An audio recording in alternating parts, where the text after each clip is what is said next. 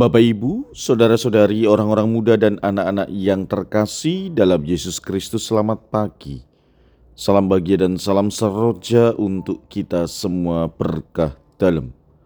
Bersama dengan saya, Romo Antonius Garbito Pambuaji, menyampaikan salam dan berkat Allah yang Maha Kuasa dalam nama Bapa dan Putra dan Roh Kudus. Amin. Hari ini Rabu 25 Oktober dalam hari biasa pekan biasa ke-29. Bacaan pertama dalam liturgi hari ini diambil dari surat Rasul Paulus kepada jemaat di Roma bab 6 ayat 12 sampai dengan 18. Bacaan Injil diambil dari Injil Lukas bab 12 ayat 39 sampai dengan 48.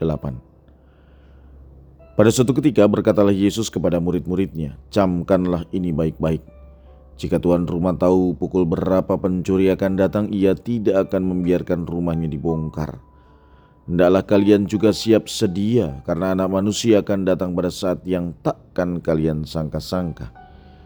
Petrus bertanya, Tuhan, kami sajakah yang engkau maksudkan dengan perumpamaan ini, ataukah juga semua orang?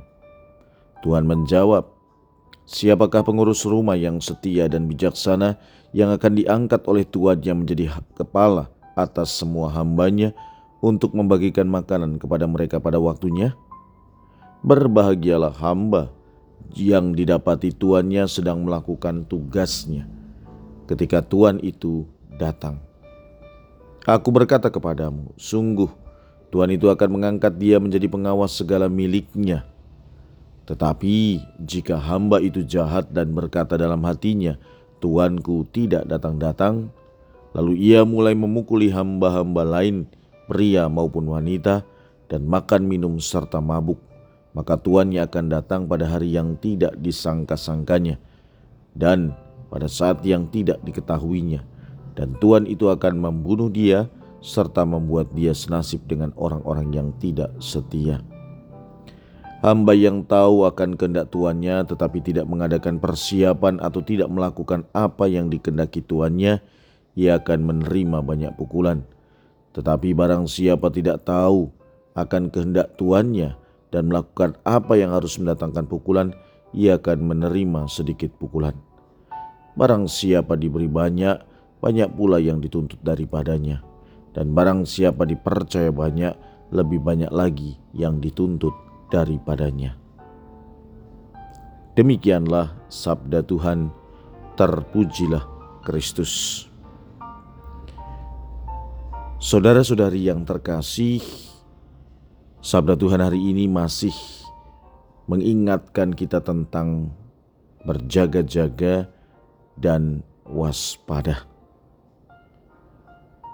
Kalau kita mengaku sebagai murid Kristus, tentu selalu dan di mana saja diharapkan berbuat baik dan berbagi kebaikan.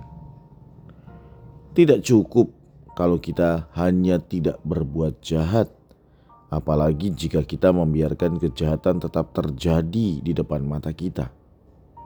Ketika kita membisu, buta, atau tuli terhadap kejahatan yang ada di depan mata kita, meskipun secara langsung kita tidak campur tangan di dalamnya. Pada saat itulah kita telah mengkhianati panggilan kewaspadaan kita sebagai orang Katolik. Marilah kita berdoa. Ya Tuhan, ingatkanlah kami selalu untuk melakukan kebaikan dan kebenaran. Berkat Allah yang Maha Kuasa, dalam nama Bapa dan Putra dan Roh Kudus. Amin.